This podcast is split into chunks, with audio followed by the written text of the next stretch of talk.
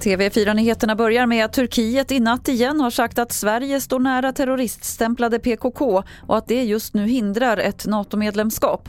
Samtidigt säger USAs president Joe Biden, som för övrigt ska träffa statsminister Magdalena Andersson och Finlands president Sauli Niinistö senare idag, att saken kommer att ordna sig. I got a call that both uh, the leader of Finland and Sweden are coming to see me on Thursday. I think we're going to be okay.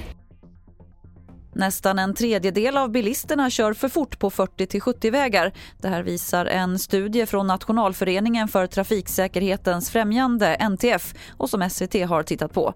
Man har kollat i 23 orter i landet och sämst var bilisterna på att hålla hastigheten på 40-vägar i tätorter där drygt hälften körde för fort.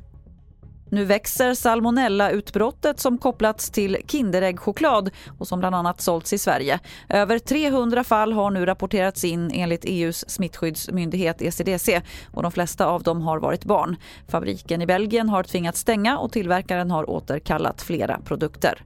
Fler nyheter hittar du på tv4.se. Jag heter Lotta Wall.